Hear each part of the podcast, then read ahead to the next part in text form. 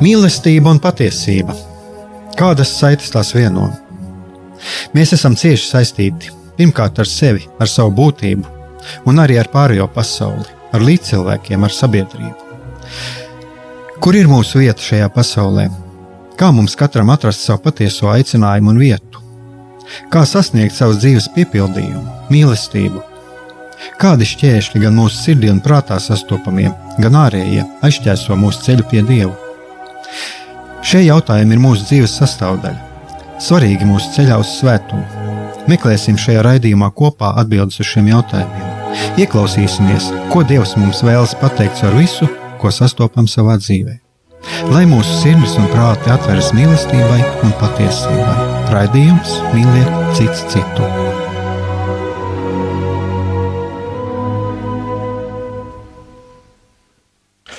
Kristus ir augšām cēlies. Esiet sveicināti, darbie radioklausītāji. Šis ir raidījums Mīliet cits citu. Studijā atkal esmu es, Aigārs Brikmanis. Un kā jau kādu laiku, jūs droši vien, kas klausēties manu raidījumu, esiet pieraduši, es joprojām turpināšu dalīties savās pārdomās. Un katram šim raidījumam es esmu izvēlējies kādu tēmu, kādu tēmu, kas man šķiet aktuāla, un, un arī, protams, man ir kāds teksts, kas mani ir uzrunājis, un es atkal varu uh, atgādināt to, ka, kā jau parasti es saku, tas, par ko es runāju, tas um, ir manas, manas, manas subjektīvās, ja tā teikt, izjūtas, tas, ko es pats personīgi jūtu, ko es eh, izdaru kādus secinājumus, un tas, eh, tas vairāk vai mazāk ir saistīts tieši ar manu pašu personīgo dzīvi. Un, protams, arī par tām liecībām un par to, ko es dzirdu no tiem cilvēkiem, ar kuriem man nākas tikties, ar kuriem es esmu reizi pa reizē kopā, ar, ko, ar kuriem sazinos.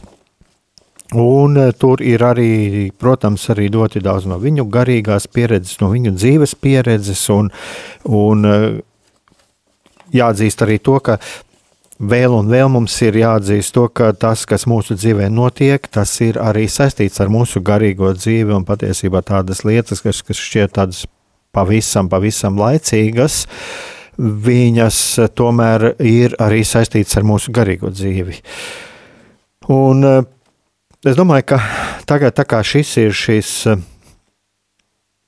augšām celšanās eh, svētku laiks, es domāju, ka mēs eh, katrs atzīsim, ka mēs dzīvojam sarežģītā laikā šis laiks mums ir eh, visiem vairāk vai mazāk sarežģīts. Protams, es uzreiz varu pateikt, ka es kaut kādā ziņā piederu pie tās cilvēku kārtas, eh, kas ir eh, savā ziņā privileģēti, jo es šajā laikā neesmu zaudējis darbu. Protams, ir bijuši dažādi pārdzīvojumi, un arī šajā laikā, gan un, un tas vairāk ir saistīts ar tādiem, es esmu pats piedzīvojis arī materiālu zaudējumus. Varbūt tas arī netieši saistīts ar šo covid laiku, bet katrā ziņā eh, man nav Es esmu, nav zaudēti tuvinieki, es esmu, neesmu zaudējis darbu. Nav man tā, kā man ir cilvēki stāstījuši, kas ir vienlaicīgi gan savā darbā, gan arī kā skolotāji saviem bērniem. Līdz ar to varētu tā teikt, ka vairāk vai mazāk es esmu ticis un lai Dievs dod tiešām samērā veiksmīgi šim laikam pāri. Bet ir cilvēki, kas tiešām piedzīvo ļoti, ļoti lielas grūtības, un, un uh, viņiem ir šis laiks ļoti, ļoti sarežģīts, un to mums ir jāapzinās. Un uh, kaut kādā ziņā, ja mēs runājam par tādu augšām celšanos, es domāju, ka augšām celšanās uh, šis vārds kā jau es teicu, mums ir saistīts tas, kas mūsu dzīvē notiek, ir saistīts ar mūsu garīgo dzīvi tad uh, es domāju, ka mēs arī varam savā dzīvē piedzīvot kaut kādu impulsus, kas arī mums norāda uz kaut kādu augšām celšanos mūsu dzīvē. Un es domāju, ka tas mēs katrs varam kaut ko individuāli pārdzīvot. Tas var būt kaut kādas izjūtas, kaut kāda pēkšņi parādījusies cerība, nezinu, no kurienes parādījies kādi prieka āsni, cerības āsni, kāds iepriecinājums. Tas var būt kaut kur ārā dabā, tas var būt kaut ko lasot, kaut ko klausoties. Mums eh, šis augšām celšanās prieks var pieskarties eh, visnegaidītākajos brīžos. Un, eh, piemēram, man pašam personīgi, es domāju, ka tā kā mēs esam šajā situācijā, es kaut kā sajūtu arī to sava veida augšām celšanos tajā, kas, kas var un cerams, kas notiks sabiedrībā, ka, ka sāksies arī visi šie vakcinācijas, prote, vakc, vakcinācijas procesi un, un ka tiešām cilvēki būs saprātīgi un ka mediķiem izdosies, mediķiem, zinātniekiem izdosies uh, novērst šo pandēmiju, ievest mūsu normālā dzīvē un ka arī izdosies tiem cilvēkiem, kas ir eh, gan garīgie, gan citādas veidas, citāda veida autoritātes, tiešām pārliecināt cilvēkus uz to, lai viņi būtu saprātīgi, lai viņi klausītu. Klausītu profesionāļus, mediķus, zinātniekus, lai viņi tiešām klausītu zinātnē un neuzķertos uz dažādām konspirāciju teorijām. Un, uh, lūk, uh, tās ir manas paša, par, manas vēlmes. Tas ir tas, ko es arī ielieku savā lūkšanā, lai cilvēki būtu saprātīgi. Un kaut kādā ziņā arī vēl šodien, dodoties šurp, es pēkšņi domāju, ka, a, kas man ir šī augšām celšanās, tas ir tāds šodienas impulss, ka jā, kad es ceru, es tiešām ceru, ka tie procesi, ka viņas ieies normālās sliedēs un ka visas šīs lietas, kas ir saistītas ar vakcināciju, ka viņas atrisināsies un ka tiešām sabiedrība, sabiedrība iegūs šo kolektīvo imunitāti, par kuru runā mediķi, un ka arī mēs iesim normālākās, eh, atgriezīsimies kādās normālās eh, sliedēs, gan ekonomika, gan arī mūsu iespēja kontaktēties, eh, ceļot, eh, strādāt, satikties ar cilvēkiem. Jo tur jau ir arī, kā jau es varbūt arī šeit esmu pieminējis, ir jau arī tā bīstamība, ka cilvēki dzīvojot šādā saspringtā situācijā, viņiem var, var rasties dažādas um, neirozes, par ko jau runā psiholoģijas speciālisti, un, um, bet arī dažādas radikālās kustības var iegūt popularitāti, un, un mēs vairāk vai mazāk šo redzam.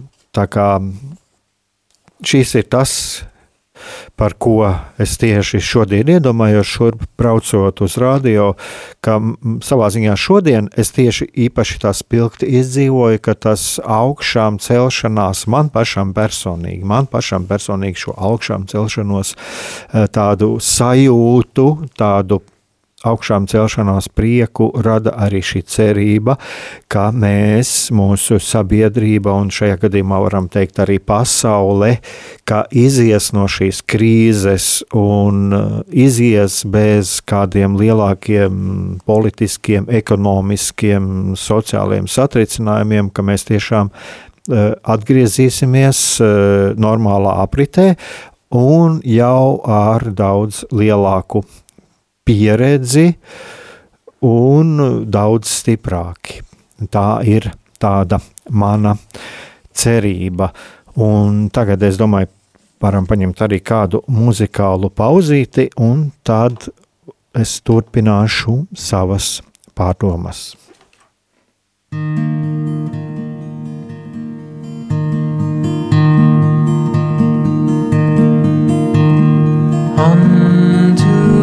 the Lamb upon his throne. Unto the Lamb upon his throne. Unto the Lamb upon his throne. Be glory and honor and power forever and ever.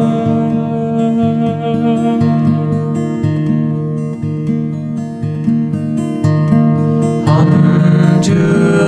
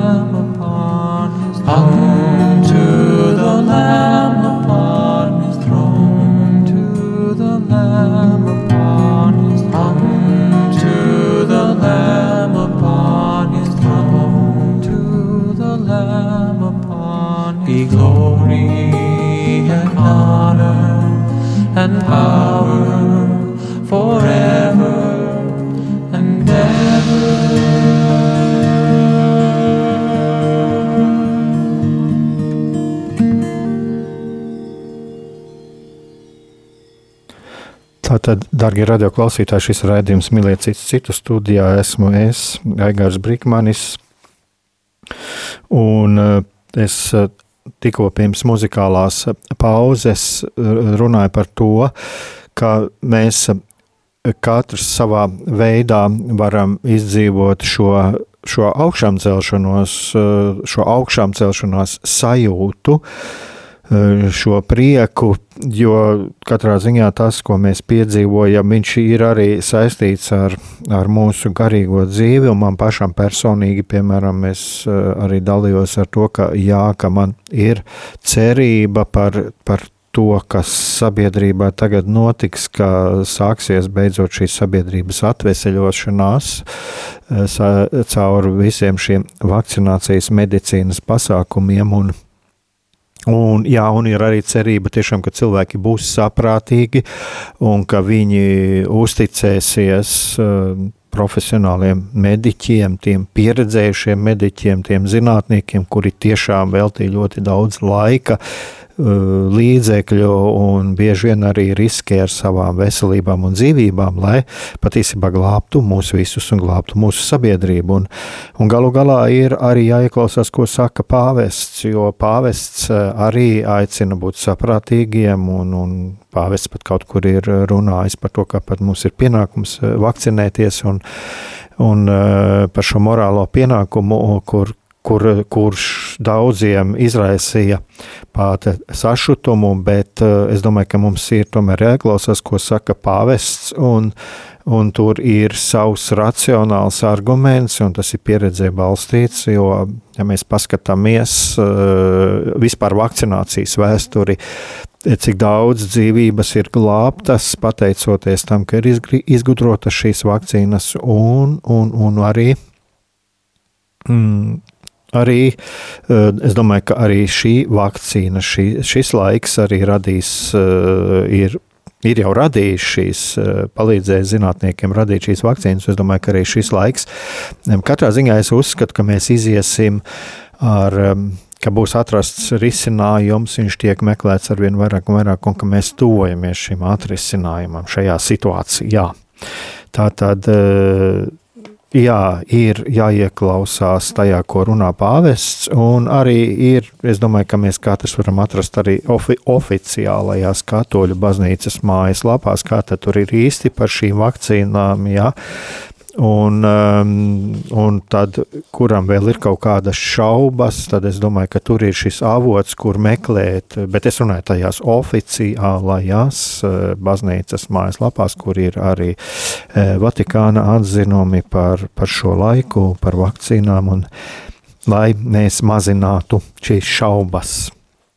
Jo ir galu galā arī šis baznīcas maģistērijas, un, un es domāju, ka tur ir tā ir tā vieta, kur mums ir jāmeklē. Jo kamēr baznīca, baznīca kamēr nonāk līdz kādam secinājumam, baznīca nav tā, kas mētājās eh, ar vārdiem, tukšiem vārdiem, lai nonāktu pie kaut kāda secinājuma un uz kaut ko aicinātu. Tas tomēr ir rūpīgi eh, izpētīts un sadarbībā ar profesionāļiem, savas jomas profesionāļiem. Bet tagad es tieši vēlos mm, ieskatīties uh, vienā tekstā. Nu, es jau viņā esmu ieskatījies. Kā jau jūs varbūt arī atcerieties, es uh, kādreiz arī runāju par pāvis homīlijām, kā viņas ir tieši uzrunājušas mani. Un arī tagad man ir viens tāds teksts priekšā, tas ir no Dieva žēlsirdības svētdienas pāvestu uzrunas 11. aprīlis, tātad Svētā gara baznīcā Romā kur pāvests vadīja evaharistijas svinības un skaitīja Marijānisko lūkšanu Regīna Celi, kur viņš aicināja nebūt vienaldzīgiem un nedzīvot savu ticību tikai pa pusē, bet īstenot to žēlsirdības darbos. Un, uh, Lūk, pāvests tad aicināja nedzīvot uh, pa pusē, bet īstenot ša, savu ticību žēlsirdības darbos. Bet uh, šeit pāvests arī runā par to, ko tad Jēzus piedāvā mums un kādos apstākļos viņš piedāvā, kādos viņš piedāvā mācekļiem un savā ziņā, kā viņš piedāvā mums. Tātad Jēzus piedāvā, piedāvā mācekļiem mieru. Jēzus dāvā mācekļiem svēto garu, un Jēzus eh, sniedz mācekļiem savas rētas. Eh, es domāju, ka par šo tekstu patiesībā varētu ļoti daudz runāt, un jūs, kas vēl sekojat, varbūt radio, radio Marija līdzi, jūs droši vien esat arī šo tekstu jau dzirdējuši Vatikāna radio, jo pamatā vienmēr es tieši arī ņemu izdrukas eh, no, no Vatikāna radio. Bet eh, man ir tāds, tādas īpašas lietas, kas man arī ir uzrunājušas. Uh, Jo ko tad pāvests atgādina? Pāvests atgādina to, ka mācekļi bija nobijušies. Un ka viņi bija ieslēgušies ne tikai mājā, jo baidījās, ka varētu tikt arestēti un ka viņus varētu piemeklēt mācītāja liktenis, bet viņi bija ieslēgušies arī savos sirdsapziņas pārmetumos, jo bija atstājuši un nolieguši Jēzu. Viņus grauza nemieris, viņi jutās nederīgi, nespējīgi ne uz ko labu, Taču ierodas Jēzus un divas reizes atkārto: Miers jums! Jūs droši vien atcerieties, ja nemaldos, tas bija pirms kādām divām nedēļām, kur es arī pats runāju par šo vainas apziņu, kas mums kādreiz var nospiest, uh, likt justies nevērtīgiem, un eh, cik ļoti svarīgi ir apzināties to, ka, ka mēs tomēr esam mīlēti eh, un saņemt šo, es pat teiktu, sajūtu, šo apziņu, šo apziņu, ka mēs esam mīlēti, un patiesībā arī cik ļoti svarīgs, eh, cik ļoti sarežģīts un grūts bieži vien pat šis ceļš var būt, uh, lai mēs eh, sajustos eh, mīlēti, sajustos šo mīlestību saņēmuši. Un, uh, un faktiski tas ir tas moments, kad arī mēs varam aiziet pie grēksūdzes, tiešām aiziet pie grēksūdzes, aiziet kā pie dieva, pie kaut kā, kas mūs mīl. Nevis baiļu, kaut kādas pienākuma apziņas dēļ, kas, eh, protams, pienākuma apziņa pats par sevi ir laba, un arī, arī bailes kaut kādā brīdī mums var būt labas, bet uh, tikai ne šajā gadījumā, kas ir uh, attiecības ar Dievu. Lai gan arī var teikt, tā, ka bailes var būt kādreiz tāds pirmais impulss, kurš liek mums ieklausīties sevi, un mēs varbūt varam padomāt par to, kāpēc mēs jūtam bailes. Ja. Tā tad, lūk, šeit ir tā Un pāvests arī runā par to, ka lūk, šie mācekļi viņi, viņi jutās nederīgi, jo viņi bija patiesībā, jā, viņi bija atstājuši un nolieguši Jēzu. Ja mēs atceramies visus šos notikumus, ka, ka Jēzus tika nodots un, un tika sists krustā. Un mēs varam paši iztēloties vienkārši šo situāciju. Es pats kādreiz esmu arī pie sevis domājis, ko es darītu šajā situācijā kurā pusē būtu, kurā vietā es būtu, vai es būtu kaut kur. Eh, nu, es vismaz es pats par sevi domāju, katrā ziņā. Nu, es kā, esmu pārliecināts, ka es nebūtu no tiem, kas uh, savus lai Jēzus sist, krust, sist krustā.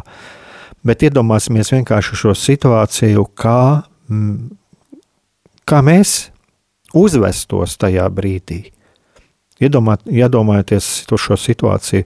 Šis uh, romiešu okupācijas laiks uh, ļoti, uh, teiksim, tāda skarba vara, kas ļoti nežēlīgi izrēķinās ar tiem, kas apdraud šo varu, kur, kur šī vara saskata šo apdraudējumu. Lūk, tā tad.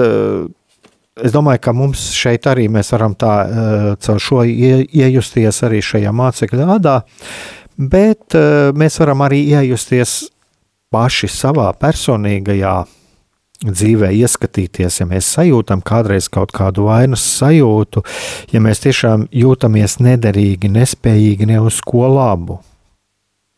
Es domāju, mēs katrs varam pareizai sajūtam to, sajūtam šo nespēju, šo nespēku un, un, un jūtamies nederīgi. Arī es pats bieži vien saskaros dzīvē ar to, ka es sajūtos kā neveiksminieks, ka es sajūtos kā nederīgs, nespējīgs kaut ko paveikt. Tās nav nekādas svešas jūtas. Šis nemieris, šis nemieris, šis nemieris arī mani reiz pareizē grauž kad es tiešām jūtos nederīgs un es jūtos kādam nodarījis pāri. Nu, lūk, bet šajā brīdī ierodas Jēzus un divas reizes atkārto miers jums. Un es domāju, ka mēs arī šeit, šajā situācijā, varam ieskatīties arī savā dzīvē un savā pieredzē, un šajā brīdī, ja arī mēs jūtam kaut kādu nemieru, uh, kaut kādā situācijā, ja mēs atrodamies, kurā jūtamies nespējīgi, kaut ko kādam nodarījuši pāri, kādu nodevuši, varbūt pat nodevuši paši sevi, kaut kādu savu aicinājumu, nobijušies, nodarījuši pāri kādam citam, jūtamies nevērtīgi, vāji, nobijušies, apmulsuši. Varbūt mēs šajā brīdī, tieši šajā brīdī, varam padomāt, paskatīties apkārt, ieklausīties savā sirdī, kaut kur apkārt pasaulē, kaut kur.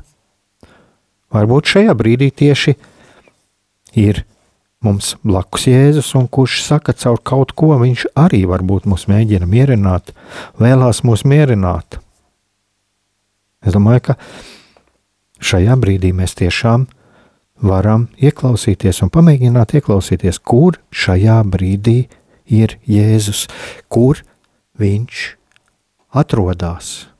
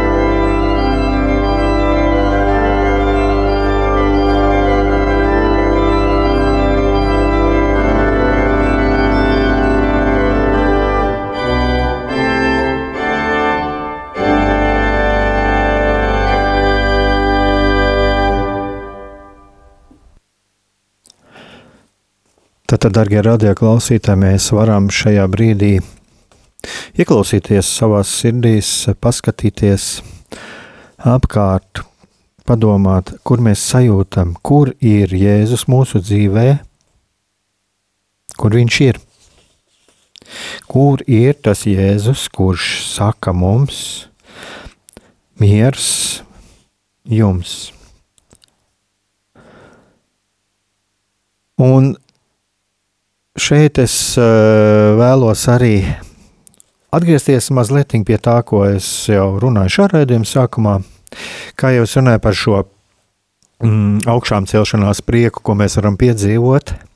Mēs to kādreiz varam piedzīvot situācijās, eh, pat negaidītās. Mēs varam sadzirdēt putnu dziesmas un sajust prieku sajust stiprinājumu. Mēs to varam atrast kādā tekstā, lasot kaut kādu tekstu, vai klausoties kaut ko, klausoties mūziku, vai klausoties kādu stāstījumu, mēs pēkšņi varam sajust prieku. Mums prieks var rasties arī no kādām domām, kas ir arī ir ļoti svarīgi. Kādas domas ir tās, kas mums rada prieku un cerību? Vai šis nav tas ceļš, tātad, uz kuru mēs esam aicināti, ja ir kāda doma, mūsos rada prieku.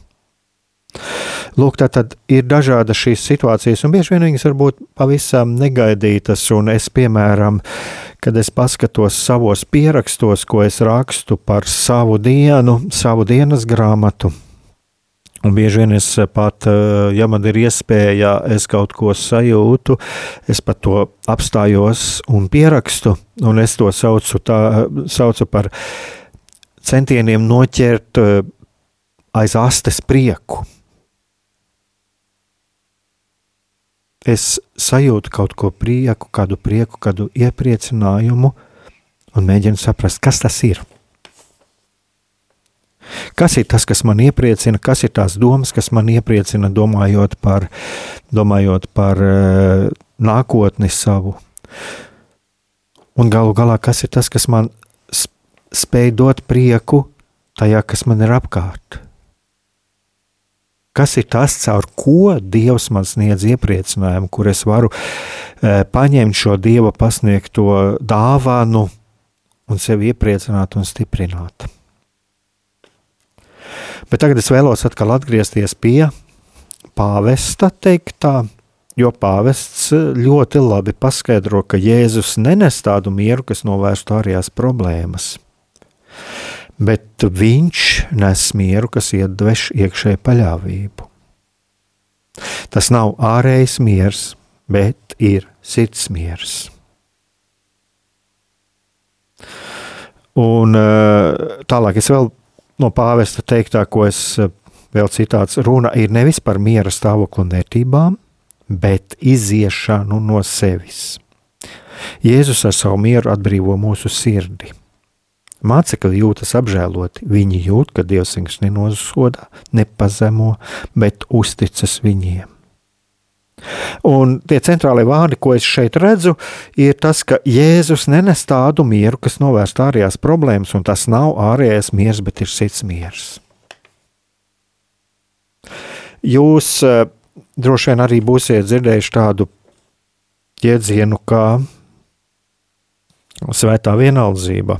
Kaut kur mēs varam arī runāt par to, Jo man pašam personīgi ir vienmēr arī es eh, lūdzos par to, lai ārējie apstākļi, šie ārējie apstākļi, kas eh, mums eh, vienmēr vairāk vai mazāk cenšas ietekmēt, no kuriem mēs nevaram izvairīties, arī attiecības ar cilvēkiem, kuras arī ir sevišķi šajā laikā mums daudziem ir ļoti, ļoti sarežģījušās. Lūk, lai tas viss nespētu mūs izsist no līdzsvara lai mēs varētu saglabāt šo sirds mieru un lai mēs tiešām varētu dzīvot savu dzīvi. Tātad, lai jebkurā situācijā mēs varētu dzīvot savu dzīvi. Un atkal, tas neatbrīvo no ciešanām, un tāpēc arī man ļoti patīk šie pāvesta vārdi, jo mēs bieži vien kādreiz pat vēloties izbēgt no pārbaudījumiem, no ciešam, ciešanām, mēs mēģinām sevi apmānīt un kaut kādā ziņā mēģinām apmānīt arī Dievu. Es uh, noskaitīšu tik un tik lūkšanas, vai es iešu regulāri uz misiju un tā tālāk. Jā, Es pats esmu kādreiz to tā dzirdējis, kādas man ir lūkšanas vajadzīgas, lai man nenotiktu tas un tas. Jā, mēs lūdzamies, un ir ļoti labi, lai mēs lūdzamies, jo mums ir pilnīgi dabiski ielikts, ka mēs negribam ciest, mēs negribam piedzīvot liekus pārbaudījumus, ciešanas. Bet uh, vienmēr ir šī Jēzus vārdi, kungs, lai notiek tavs prāts. Un, uh, un tāpēc es atkal Vēl vēlos atgādināt šos pāvesta vārdus. Tas nav ārējais miers, bet ir sirds miers. Jo būtībā jau Jēzus darīja šajā brīdī, varam teikt, tā, ka Jēzus eh, tajā brīdī, kad viņš gāja šajā krusta ceļā, tas nebūtu nebija kaut kas tāds, ko šķiet, var, es pat uh, varētu teikt, tā, ka šķiet pat tā var būt pretruna, jo Jēzus, Jēzus lūdzās par to. Jēzus lūdzās, lai šis biķers aiziet secen, bet kungs, lai notiek tavs prāts. Tātad es domāju, ka šeit ir arī ļoti svarīgi paskatīties uz lietām, kuras mēs varam mainīt, jo mēs, uh, neesam, mēs neesam aicināti uz kaut kādu mazohismu un kraut sev kaut ko virsū, kas nav vajadzīgs, bet arī pašā laikā mēs esam šajā fiziskajā pasaulē, kā es arī iepriekšējā raidījumā runāju, mēs galu galā esam piedzimuši uh, fiziskajā ķermenī, uh, šajā pasaulē, kurā ir kaut kādi procesi, kaut kādi likumi, uh, kurus mēs vienkārši nespējam mainīt. Un lūk, tā tad es pieņemu šo dzīvi, Un to, ko es nespēju mainīt, to es vienkārši atdodu Dievu, Dieva rokās. Un tikai tādā gadījumā es arī varu, varu iegūt šo mieru. Un eh, tālāk, ko arī pāvests runā, kas arī ir ļoti skaisti vārdi, Dieva acīs neviens nav norakstīts, nederīgs vai atstumts. Un Jēzus to atkārto arī šodien. Mieres tev! Tu esi vērtīgs manās acīs, mieres tev! Tu man esi svarīgs! Mieres tev! Tev ir sava misija! Neviens to nevar veikt tavā vietā. Tu esi neaizstājams, un es tev uzticos. Darbie brāļi un māsas, Kristo, cik ļoti bieži mums ir sajūta, atkal es atgriežos pie tā, ko jau es pirms dažām minūtēm teicu. Mums ir sajūta, ka mēs esam nederīgi un mums dzīvē kaut kas neveicās. Mēs, mēs bieži vien paklopam. Mēs gribam darīt, bet mēs neprotam. Mums neizdodas. Mums šķiet, ka mēs esam neveiksminieki. Bet Dievs saka, tu esi neaizstājams un es tev uzticos. Un e, šeit man ir priekšā lapa, un es tieši šos vārdus esmu pas, pasvītrojis, jo man pašam personīgi ir ļoti bieži ir nācies sev atgādināt, ka nav tā, kā man šajā brīdī šķiet. Man šķiet, ka es esmu neveiksminieks, ka man, un bieži vien jau nedod Dievs, ja vēl ienāk uh, salīdzināšanas gars, lūk, tam ir tā paveicies, man neveicās. Nē, tā nav.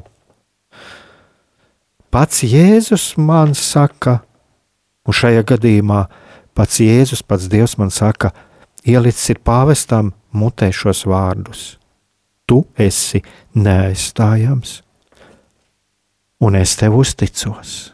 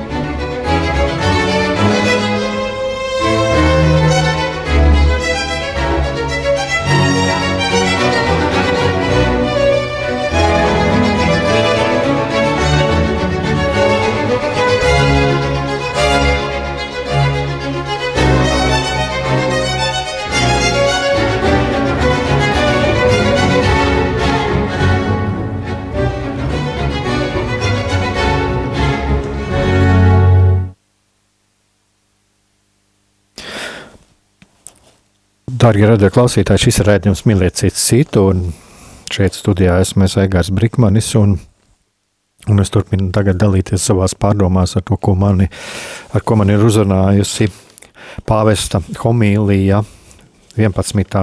aprīļa teiktā homīlija Svētā gara baznīcā Romā.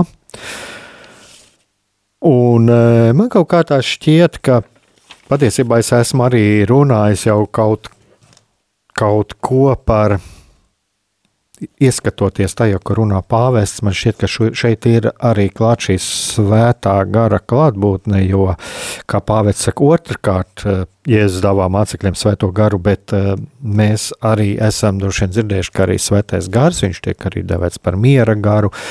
Uh, svētām garam ir Sevišķi, ja mēs esam bijuši dažādās lūkšanas grupiņās, kad mēs lūdzam svētā gara klātbūtni, nāca svētais gars, nāca miera gars, nāca gudrības gars, nāca mīlestības gars.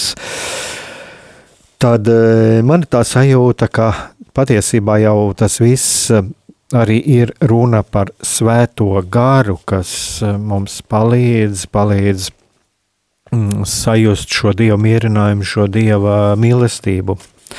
Bet tagad es turpināšu arī, ko runā pāvests un arī tādi ļoti skaisti vārdi. Piedošana svētajā garā ir lieldienu dāvana, kas tiek dāvāta, lai mūsu sirds no jauna aug, augšām celtos. Lūk, šis ir e, citāts no tā, ko teica pāvests. Un e, tālāk e, ir, ko es vēl vēlētos no pāvesta teikt, tā atkal citāts grēksūdzē centrālo vietu ieņemam nevis mēs ar saviem grēkiem, bet Dievs ar savu žēlsirdību. Mēs sūdzam grēkus nevis lai tiktu šaustīti, bet atkal piecelti. Tas mums ir vajadzīgs kā maziem bērniem. Katru reizi, kad tie pakrīt, tētim viņus ir jāceļ augšā. Arī mēs bieži krītam, taču tēva roka ir gatava nostādīt mūs atkal uz kājām un palīdzēt mums iet uz priekšu.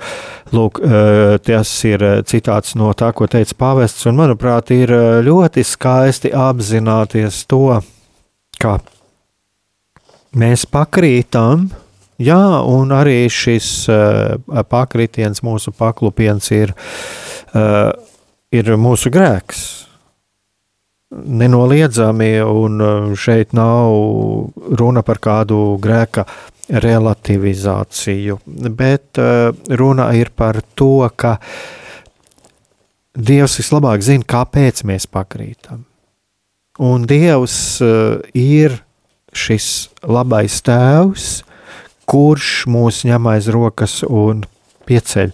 Un eh, šeit es kaut kā šo grēksūdzes sakramentu redzu kā kaut ko tādu, jo cilvēks jau pats dodas pie grēksūdzes eh, un eh, tātad viņš dodas ar savām kājām, tā ir apzināta grība Tā ir viņa izvēle doties pie grēksodas, un mēs vienkārši varam iztēloties, kā ir, kad mazais bērns, kad nokrīt uh, zemē, tad arī jau tas bērns to savu rociņu stiep pretī tēvam, lai tēvs viņu, viņam palīdzētu piecelties. Un tajā brīdī, kad šis bērns ir nokritis mīlestībā, patiesā mīlestībā, mīlošs tēvs, uh, vai arī tā varbūt mīloša māmiņa, uh, Viņam ir tikai vienīgā vēlēšanās ir palīdzēt šim bērnam, palīdzēt viņam piecelties un rūpes, vai viņam nav, vai viņš nav sasities, vai viņam viss ir kārtībā. Un es domāju, ka tā ir tāda ļoti skaista līdzība, ka tajā brīdī, kad es eju pie greksūdzes, tad arī Dievs uh, mīlestībā uh, pastiepj pretī man savu roku, lai viņš palīdzētu man piecelties. Un tā arī pāvests saka, tas ir augšām celšanās sakraments, tīra žēlsirdība. Un uh, pāvests arī aicina, arī Bikstēvs, lai viņi klausot grēksūdzes, palīdzētu cilvēkiem sajust Jēzus žēlsirdības saldmi, Jēzus piedod visu. Dievs piedod visu. Tādi Jā, ļoti, ļoti, ļoti skaisti un uzrunājoši vārdi. Tātad Dievs ir tas, kurš pieliecās pie mums. Viņš ir tēvs, kas pieliecās pie bērna, Un mums tikai atliek pastiept pretim savas rokas, un, un Dievs mums palīdzēs piecelties.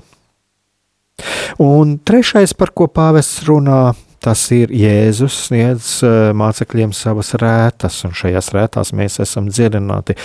Un savā ziņā man pašam personīgi šie vārdi kur, ko runā pāvests, ir, ir ļoti, ļoti liels uh, noslēpums. Jo, piemēram, pāvests runā, šīs rētas ir atvērtie kanāli starp viņu un mums, pa kuriem pie mums plūst viņa žēlsirdība. Un katrā svētajā misē, kur Jēzus dāvā mums savu caurdurto un augšām celšos miesu, mēs pieskaramies viņam, un viņš aizskar mūsu dzīvi.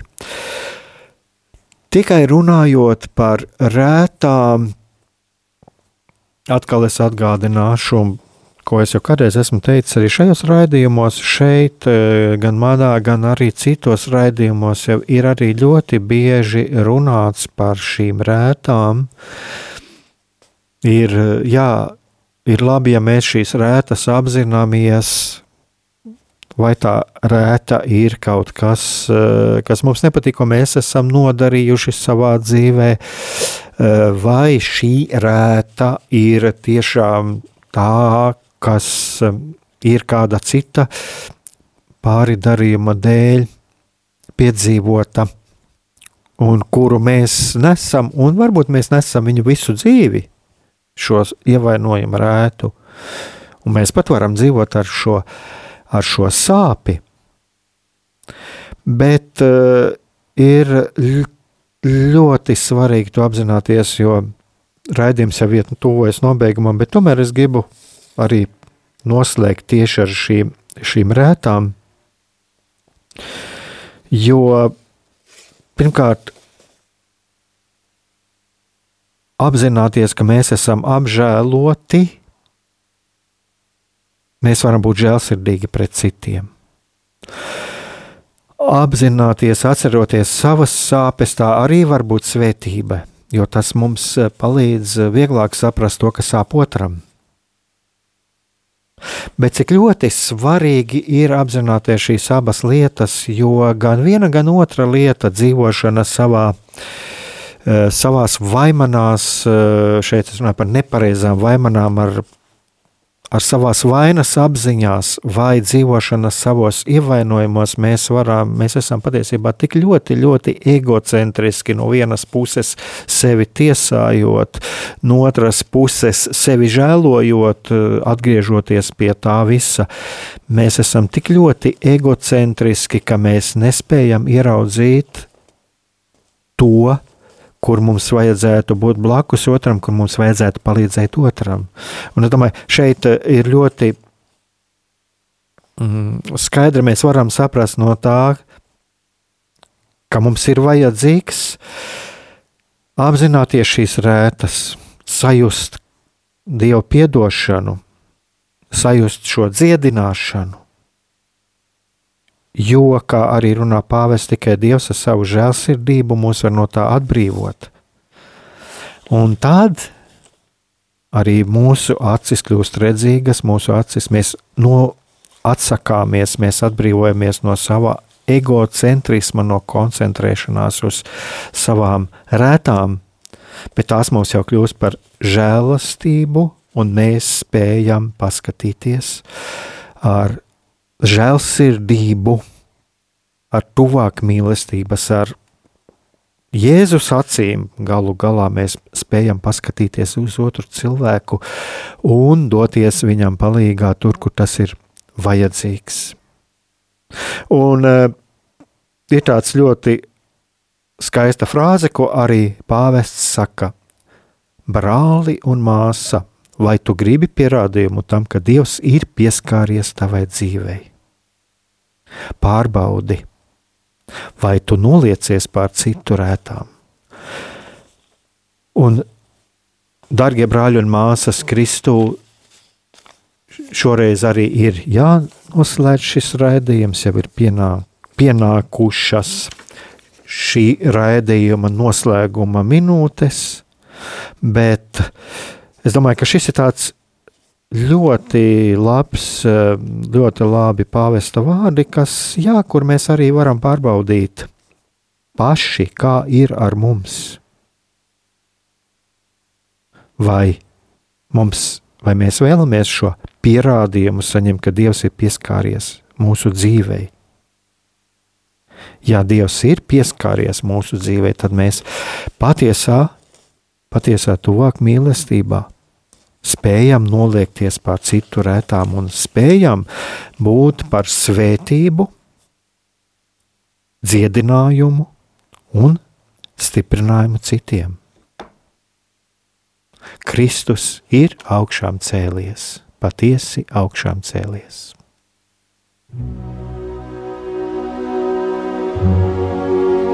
Mīlestība un patiesība. Kādas saites tās vieno? Mēs esam cieši saistīti pirmkārt ar sevi, ar savu būtību, un arī ar pārējo pasauli, ar līdzcilvēkiem, ar sabiedrību. Kur ir mūsu vieta šajā pasaulē?